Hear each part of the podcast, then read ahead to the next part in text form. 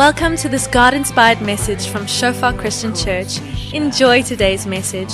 May you experience the presence of our Father and may you grow deeper in your relationship with Him. Oh,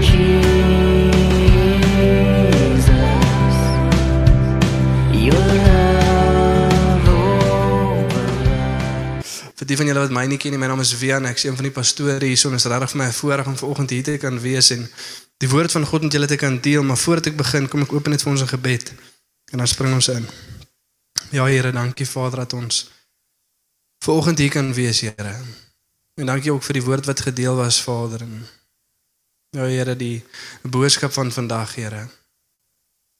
Dat ons hier kan innooi, Vader, in elke liewe ding in, Here. In die oomblik waarna ons kyk Vader, as ons reflekteer op Paasfees en wat dit beteken Vader, dan besef ons dat dit nie 'n gebeurtenis is Here wat ons een keer 'n jaar Vader moet vier nie. Dis nie 'n gebeurtenis Vader wat een keer 'n jaar ons stil staan en daarna kyk nie, Here, maar dis 'n gebeurtenis wat elke liewe dag, elke liewe uur, elke liewe minuut van ons lewens moet beïnvloed, Here. Anders maak, transformeer. En betekenis gee aan alles. En vanoggend kom bid ons Here dat U vir ons openbaring sal kom gee, Vader. En ons weet Here, ons verstaan nie alles wat ons moet nie. Ons kan nie al sien soos wat ons moet nie, Vader, maar ons kom bid vir 'n openbaring vanoggend, Vader. Van die boodskap van die kruis, Here. Die betekenis van Paasfees, Here, wat ons moet raak sien en hoe dit ons moet beïnvloed.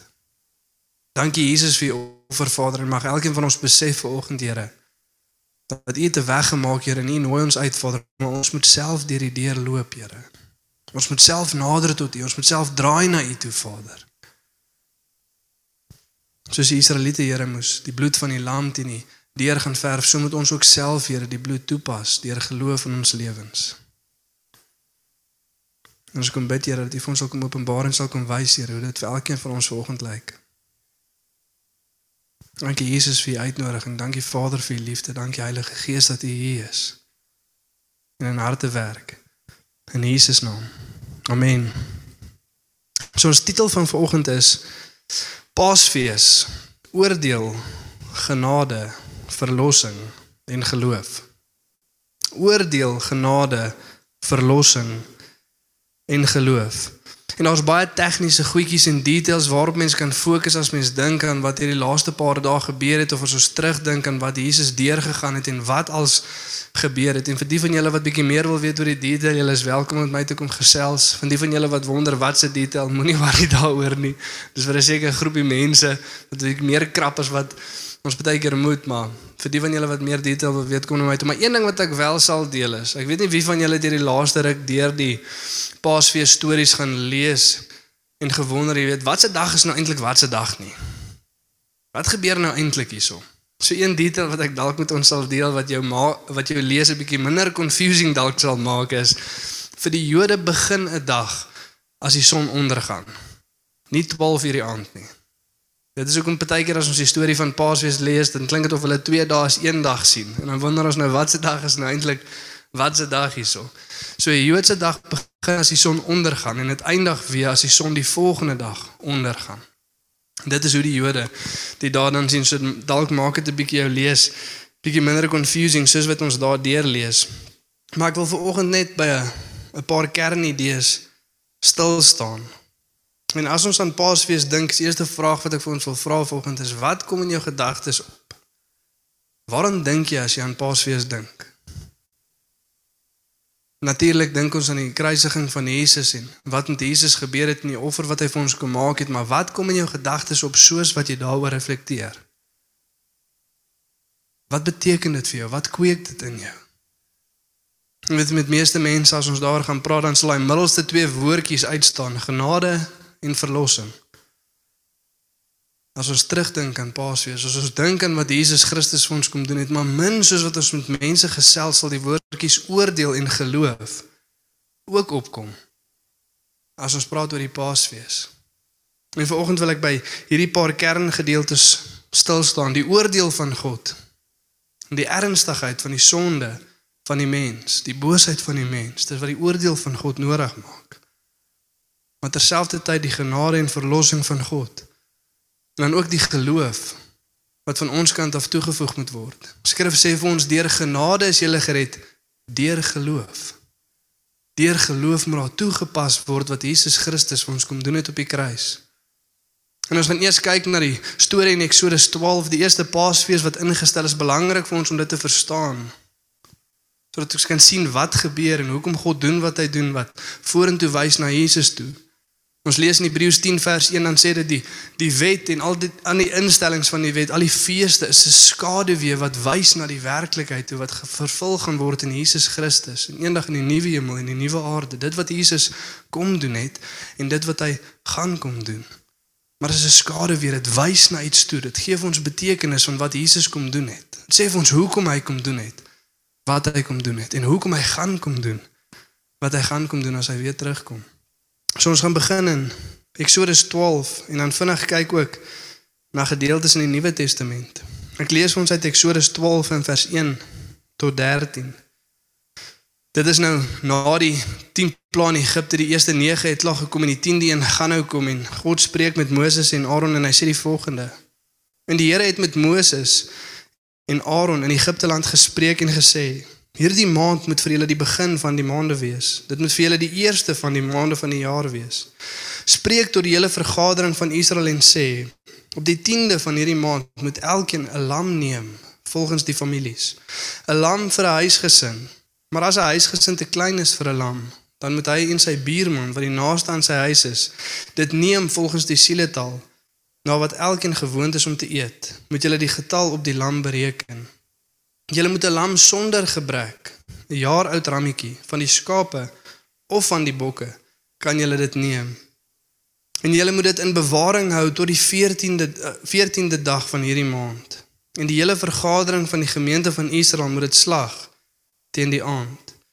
En hulle moet van die bloed neem en dit stryk aan die twee deurposte en aan die bootdrempel aan die huise waarin hulle dit eet.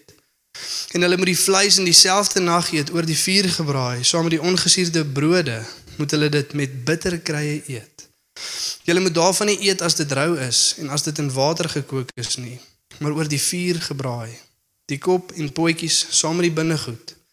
Julle mag daar ook niks van laat oorbly tot die môre toe nie. Maar wat daarvan tot die môre oorbly, moet julle met vuur verbrand. En so moet julle dit eet. Julle heupe moet omgord wees. Julle skoene aan julle voete en julle staf in julle hand. Baie haastig moet julle dit eet. 'n Pasga van die Here is dit. Want ek sal in hierdie nag deur Egipte land trek en al die eersgeborenes in Egipte land tref, van mense sowel as van diere. En ek sal strafgerigte oefen aan al die gode van Egipte, ek, die Here. Maar die bloed sal vir julle 'n teken wees aan die huise waarin julle is.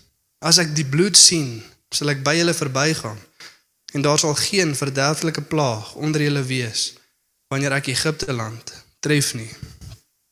Welbekende storie waarvan baie van ons gewoond is. En baie keer omdat ons so gereeld 'n storie ken en van kleins af 'n storie hoor, is ons geneig om baie vinnig oor die storie te lees. Weet in die tweede gedeelte van Eksodus 12 dan verduidelik Moses presies dieselfde vir die families van Israel wat hulle gaan moet doen, 'n lam moet gaan kry dat hulle binne in hulle huis moet bly tot die volgende nag toe. Dit is baie vinnig soos wat ons deur hierdie storie lees, dan dink ons baie keer okay, wat hier besig is om te gebeur is daar's hierdie slegte mense wat onregverdig heers oor hierdie goeie mense, die Israeliete. En God gaan nou kom geregtigheid uitoefen oor hierdie slegte bose mense terwyl hy die goeie mense Hierdie mense sonder sonde, hierdie mense wat jy weet God gekies het vir sy eie besitting. Hierdie geregtige mense verlos uit hierdie land uit. En vanaand sien ons dat dit is nie heeltemal wat besig is om te gebeur nie. Ja, God is besig om oordeel uit te oefen oor Egipte. Ja, hy is besig om sy uitverkorene volk te verlos. Maar as ons bietjie dieper gaan lees, dan sien ons dat daar so 'n 'n groter probleem, nie net in Egipte nie, maar ook in Israel. Ons sien ons lees in vers 12 en vers 22 die tweede gedeelte wat vir ons wys na die erns van sonde en die oordeel van God. Dan sê dit daarso, want ek sal in hierdie nag deur Egipte land trek en al die eersgeborenes in Egipte land tref, van mense sowel as van diere. En ek sal strafgerigte oefen aan al die gode van Egipte En vir die van ons wat volgende dink, jy's dis nog 'n snaakse stelling daai. God is nie besig om te sê hy gaan strafgerigte en opgemaakte idees of klein beeltjies sonder lewe uitoefen nie. Wanneer ook al jy die woord gode lees in die Hebreëse Ou Testament, dan is dit die woord Elohim, dit beteken hemelse wesens. Dis nie panteïsme soos in die oosterse gelowe wat glo daar's gelyke gode wat in verskillende dele van die aarde heers nie. Maar skrif sê daar's hemelse wesens in rebellie teen God en daar's van hulle in Egipte en God gaan hulle straf. En as jy meer wil weet van dit, kan jy gaan kyk na ons geestelike reeks wat ons teen die einde van laas jaar gedoen het om dit bietjie beter te verstaan. En ek sal strafgerigte oefen aan al die gode van Egipte. Ek die Here. En later dan sê Moses dieselfde vir die Israeliete en hy sê maar niemand van julle mag uit die deur van sy huis uitgaan tot die môre toe nie. En hier sien ons die oordeel van God en die ernstigheid van sonde, maar net 'n skaduwee van dit. Want een ding wat ons hierso moet besef is dat selfs teenoor die Egiptenare is God genadig. Hoekom?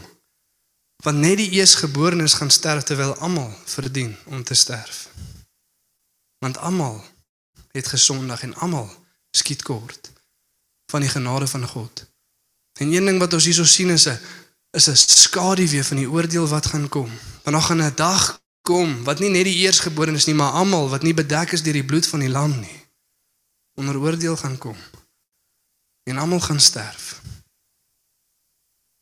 En in homself is God besig om genadig te wees teenoor die Egiptenare. En hierso sien ons dat terwyl hierdie storie vir ons wys dat daar so 'n bevryding is, dat daar verlossing is wat gaan gebeur in Israel, is daar ook 'n dieper verlossing nodig gaan wees. Hoekom? Want die ernstigheid van sonde is in die Egiptenare maar ook in die Israeliete. Die oordeel van God rus op die Egiptenare maar ook op die Israeliete. Jy kan jouself nou indink soos wat Moses dit vir die familiehoofde sê en hulle 'n lam gaan haal en na hulle huise toe terugbring. En hulle die storie vir hulle kinders besig is om te vertel en vir hulle familie van wat gaan gebeur. God gaan ons bevry uit hierdie land uit. Hy gaan straf vir die Egiptenare uitdeel. En dan vra die kindertjies in die familie huis maar wat wat is die doel van hierdie lam? Hoekom moet ons 'n lam hê? Hoekom moet ons die bloed in die muur verf? Hoekom hoekom gaan God oor ons beweeg en hoekom moet ons binne bly? En dan kan die paas vir hulle familie verduidelik dat al is ons die mense wat nou onderdruk word deur die Egiptenare, kan ons nog steeds nie buite voor God alleen staan nie. En al God al gaan God ons nou bevry uit Egipte uit, is daar 'n dieper bevryding wat nodig is, want as oordeel kom en ons is nie bedek deur die bloed van die lam nie, dan gaan ons ook dood. Jy sien daar's ons nie die twee groepe mense, die bose Egiptenare en die Israeliete wat maar net goed is en God se volk is en sonder sonde is nie. Nee, God was genadig teenoor die Israeliete en hy het hulle gekies as sy volk en hy gaan hulle bevry het. Maar elkeen van hulle wat nie onder die bloed van die lam gestaan het nie, sou dieselfde oordeel ontvang het. Elkeen sou dieselfde oordeel ontvang het. En dan kan jy nou dink aan die kindertjies op hulle gesigte en soos hulle vir die mense vertel, hierdie moet jy vir jou nageslagte leer, soos wat ons na die beloofde land toe gaan. Vir generasies wat kom, gaan ons hierdie met oor vertel. En dan kan jy jouself nou indink in die kinders van in die in die in die kinders se skoene waar daar staan. En hulle het nou net gehoor dat pappa sê dat al is ons God se uitverkore volk, omdat ons gesondig het, is die oordeel van God nog steeds op ons. En die kind begin dink aan Die koekies wat hy gesteel het. Toe hy vir mamma en pappa gejok het. Toe hy gevat het wat hy nie moes nie. Vra maar pappa, waaraan van ons? Moenie worry nie my kind. God het 'n tydelike oplossing uit genade vir ons gemaak. En dan lees ons in vers 6 en 7. En julle moet dit in bewaring hou tot die 14de dag van hierdie maand en die hele vergadering van die gemeente van Israel moet dit slag teen die aand. En hulle moet van die bloed neem en dit stryk aan die twee deurposte en aan die bodrempel, aan die huise waarin hulle dit eet. En weer eens sien ons hierso die sonde van die mens, die boosheid van die mens, die ernstigheid daarvan, maar ook die genade van God. En weer eens kan jy jouself indink in 'n kind se skoene hierso. Hy het dalk saam sy pa gegaan of saam die familie gegaan en hulle die skaapie gaan haal, hulle het hom gaan uitkies sonder sonder gebrek, vlekkeloos. 'n perfekte lammetjie. En daar by die huis in bewaring gehou vir 4 dae en die kind het met hom begin speel en gekyk na die onskuld van hierdie lammetjie. En 4 dae later op 'n dag kom almal bymekaar en die pa sny die nek af en die bloed loop en die skaap skree. En die kind vra maar pappa, wat gaan aan? Hoekom doen ons dit? En die pa kan verduidelik, hier is die effek van sonde my kind. Hier is die boosheid van die mens. Dis wat ek en jy verdien. Ons is veronderstel om hier te wees, maar God het 'n tydelike oplossing gemaak. As ons die bloed vat en dit nie deursmeer, dan gaan die engel van dood oorkom. Gaan hy nie kyk wie's binne nie, pappa, nee my kind. Dit gaan nie oor wie binne in die huis is nie. Dit gaan oor die bloed van die vlekkelose lam op die huis. Daar gaan God oorgaan. En ek jouself half indink, jy weet, my oudste seentjie Shailene, hy hou van vra vra. En ek kon nie my help indink om hierdie storie vir hom te moet vertel nie, of soos wat hy besig is om hierdie te sien afspeel voor hom nie. Dan die vraag te vra maar hoef ons dan niks te doen nie, pappa, kan ons maar doen wat ons moet in die huis. Nee my seun. Ons moet gehoorsaam wees. Ons moet geloof in God. Hoe lyk dit?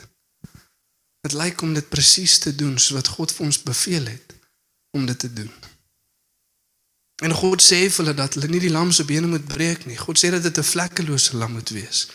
Hy sê hoe hulle dit moet gaar maak, hoe hulle dit moet eet en hoe hulle aangetrek moet wees terwyl hulle dit eet. Dis in ons lees in vers 11 en so moet julle dit eet. Julle heupe moet omgord wees, julle skoene aan julle voete en julle staf in julle hand. Baie hastig moet julle dit eet. 'n Pasgeld van die Here is dit.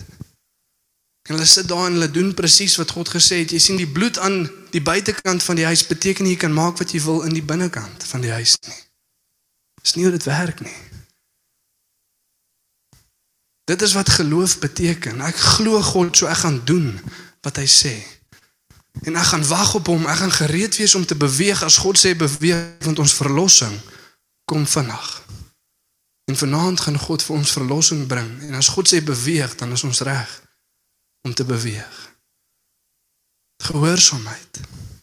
Hierso sien ons geloof. En soos hierdie storie afspeel, kan ons al daai kernidees sien, die oordeel van God oor die sonde van mens, die genade en die liefde van God, die verlossing van God.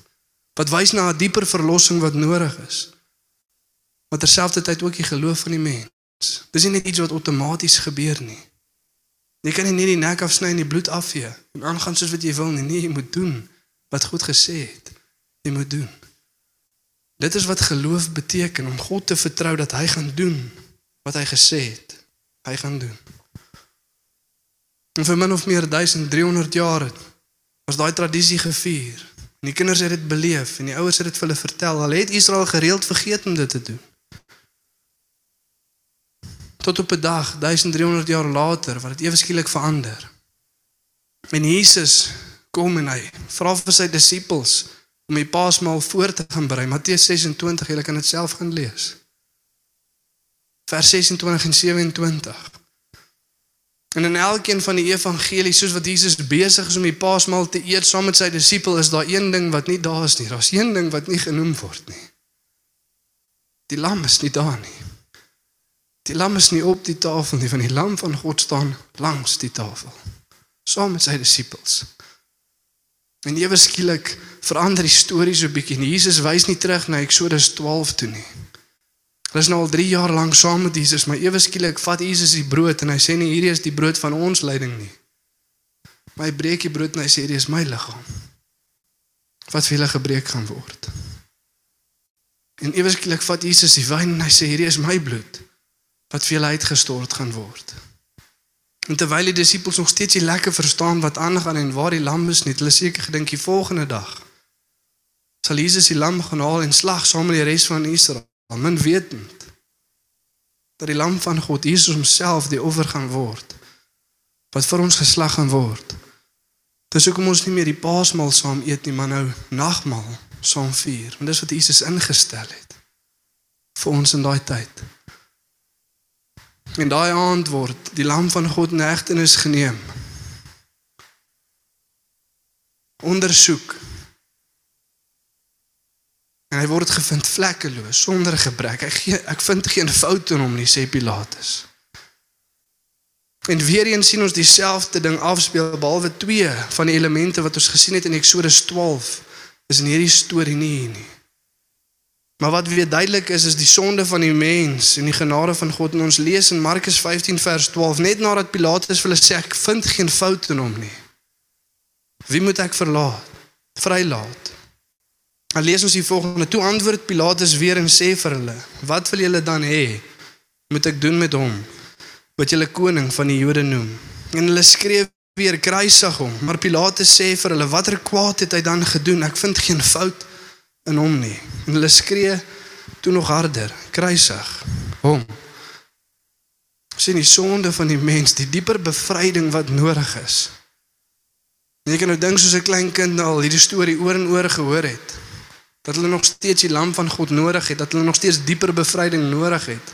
En soos wat die skare daar skree kruisig om besef ons dat dit is die dieper bevryding wat nodig is. En baie keer as ons terugdink aan hierdie storie dan dink ons by onsself nee, dit sou nie ons gewees het nie. Ons sou nie dit geskree het nie, maar die skrif sê vir ons dat ons sou op beste soos die disippels gewees het wat weggehardloop het en 10 teen 1 saam met die skare geskree het kruisig om. Die kern van sonde. Die oordeel van God en nader dan vat hulle hom. Sit 'n doringkroon op sy kop, slaan, spoeg en spot en buig voor hom neer. Koning van die Jode. En dan hang hulle vir Jesus op 'n kruis en die mense wat verbyloop sê red jouself. Jy wil ander red, maar jy kan nie eens jouself red nie. Min weet dat dit is nie vir sy verlossing wat hy daar hang nie. En terwyl Jesus die seun van God, die vlekkelose lam van God op die kruis hang, is die soldate besig om te dobbel vir sy klere teen die voete van die kruis. En wat elder uitgebeeld vir ons word is die ernstigheid van sonde in die hart van die mens. Maar terselfdertyd die genade en verlossing van God. Want terwyl dit gebeur, wat is die reaksie van Jesus? Wat sê die koning van konings? Wat sê die vlekkelose lam van God? Ons lees in Lukas 23 vers 34. En Jesus sê: "Vader, vergeef hulle, want hulle weet nie wat hulle doen nie." En ons lees in Kolossense 1 vers 13: "Hy wat ons verlos het uit die mag van die duisternis en oorgebring het in die koninkryk van die seun van sy liefde, in wie ons die verlossing het deur sy bloed, naamlik die vergifnis van die sondes." En ons sien uitgebeeld in Jesus se kruisiging die sonde van die mens, die genade van God en die verlossing van God, maar een ding sien ons nie. Een element is nie daar nie. Wat is dit? Die oordeel van God.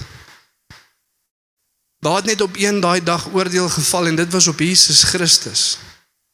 Maar duisend eersgeborenes het nie gestel nie, net die enigste seun van God. En die oordeel is nie daar nie en ook nie die geloof van die mens nie. En dan vra ons vir onsself, hoekom? Hoekom is dit nou so? Hoekom is die oordeel nie daar nie? Beteken dit dis nou weggevat? Hoekom is die geloof nie met daar nie? Beteken dit nou net almal is gered? Nee. Dit beteken dat ons lewe nou in 'n tyd van genade. Ons lewe nou in 'n tyd van verlossing. En net soos wat Israel moes gaan en die bloed van die lam self gaan toepas, is ons nou in 'n tyd waar ons self die bloed moet toepas op ons lewens.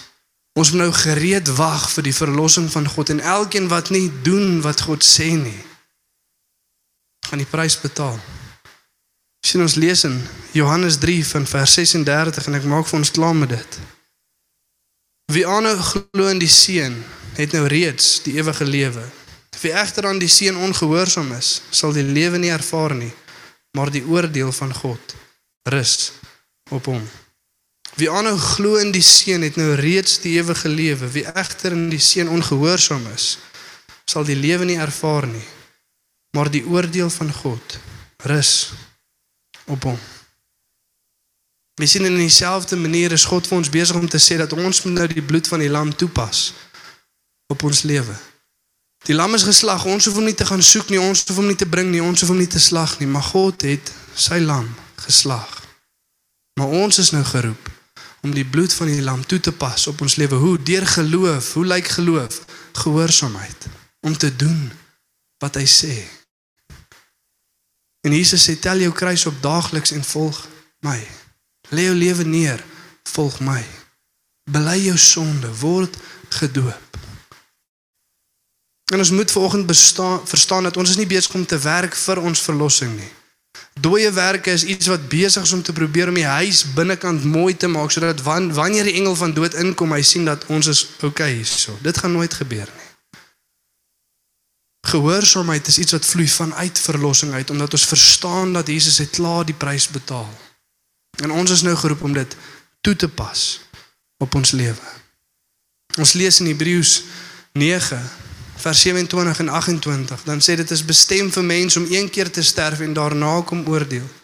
So het Christus ook net een keer gesterf om met die sonde af te reken en wanneer hy 'n tweede keer kom, dan kom hy nie met die oog op sonde nie, maar hy kom om die finaal te verlos wat gretig op hom wag.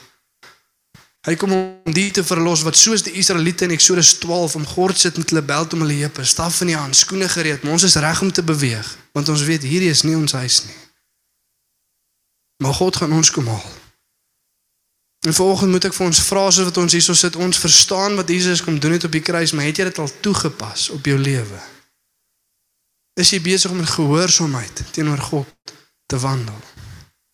En dit so in elke area van jou lewe. Ons lees in Hebreërs 10 net nadat dit praat van dit wat Jesus vir ons kom doen het op die kruis, dan sê dit vir ons drie goed. Laat ons vers 22 Laat ons dan tot hom nader met 'n waaragtige hart en volle geloofs-oortuiging.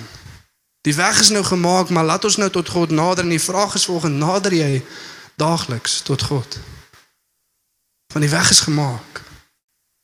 Vers 23 laat ons vashou aan die hoop van ons belydenis. Wat beteken dit dat Jesus Christus gaan terugkom om ons te kom haal? Maar ons staan gereed en ons wag.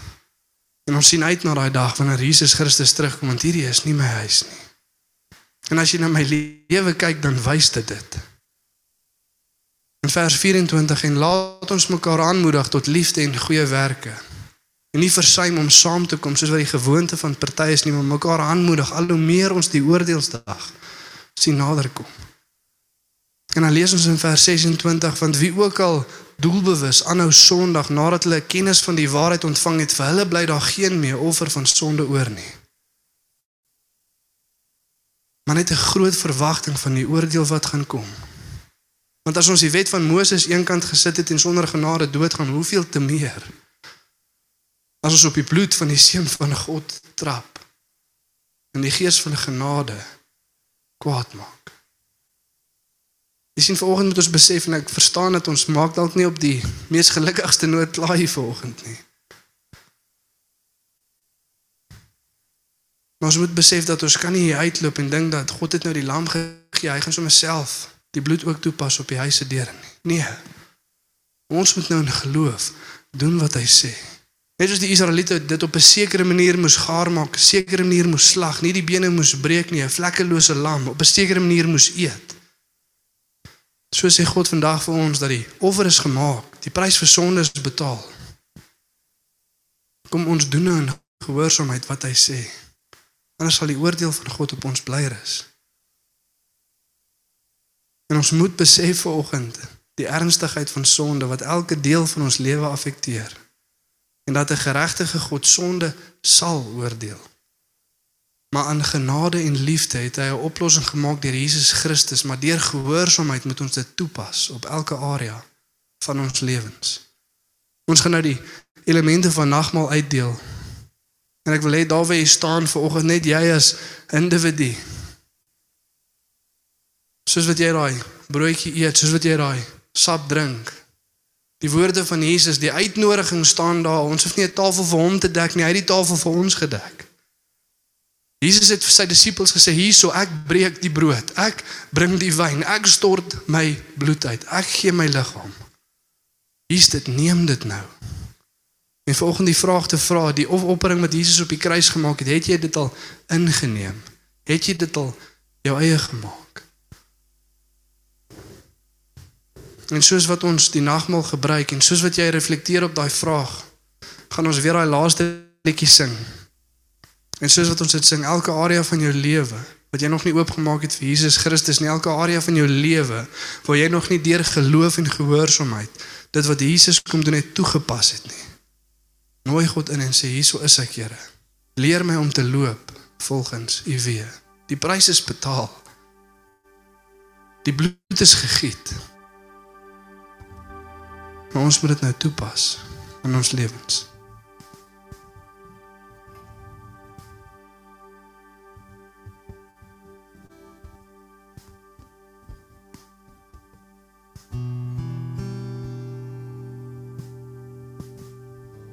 As jy die elemente ontvang het net daar waar jy sit. Neem dit en vra jouself daai vraag. Is jy besig om toe te pas wat Jesus Christus kom doen het? Lyk jou lewe anders? As die engel van dood oorkom, as die bloed in die muur gesmeer, as die paaslam binne geëet, is jou staf in jou hand en jou skoene op jou voete. Is jou heupe omgord, is jy reg om te beweeg as God sê beweeg.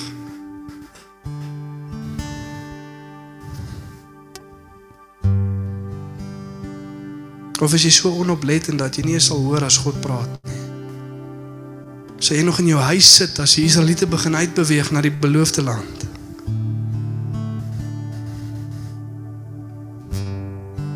Ons moet die genade van God besef, maar vanoggend laat ons in geloof reageer.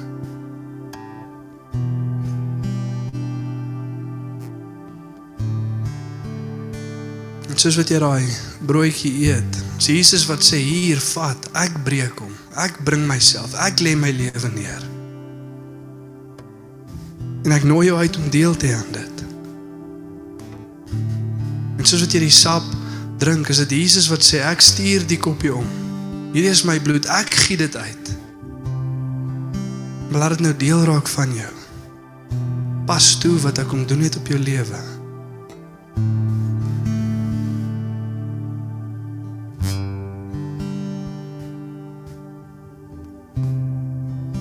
Ja Here, dankie Vader vir die offer op die kruis.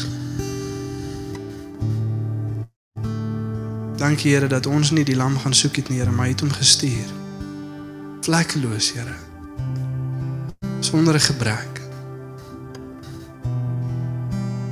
En nie so in die geval van die Israeliete nie, Here, wat 'n helpelose lammetjie gevat het nie, Here, maar hierdie lam was die koning van konings. Die een deur wie en vir wie alles bestaan. Here, die wat in 'n oogwink alles kan vernietig en 'n nuwe aarde kan maak. Maar tog kies hy uit genade en liefde uit om die lewe vir ons te kom neerlê, Here.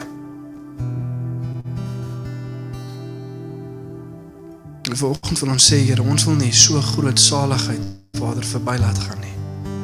Hoe kan ons kyk, Here, hoe kan ons sien die lamp van God op die kruis en dit verander nie iets in ons nie? Hoe kan ons dit sien en dit beweeg ons nie, Here?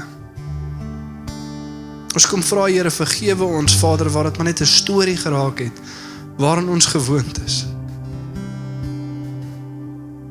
Wanneer ons oor dit kan lees Vader asof ons 'n nuwe seepie kyk. En nie besef Here die gewig van daai oomblik nie, Here.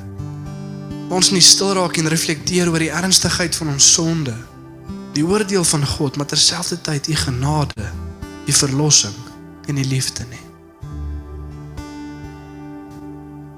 En vanoggend Here wil ons sê ons wil nie dieselfde hier uitstap as wat ons hier ingestap het nie, Here. Ons wil die bloed toepas op ons lewens. En ons besef Here dat as ons eendag voor U staan, Here, en die bloed van die lam is nie op ons nie, dan is daar geen hoop vir ons nie. Maar dankie dat ons ook weet Here dat deur genade hoef ons nie onsself beter te probeer maak nie, maar U het klaar die weg gebaan. Ons moet net begin loop. En vanoggend wil ons sê Here, U ons nooi uit, Vader. Ons gee oor. Kom leer ons Here wat dit beteken om 'n mens te wees wat gretig op U wag, soos wat Hebreërs 9 sê. Nie net op U wag nie, Here, nie net weet dat U eendag gaan kom nie, maar wat gretig op U wag. Staf in hand. Skoene op ons voete, Here. Reg om te beweeg as die koning van konings sê beweeg. Ons nooi in Here in Jesus naam.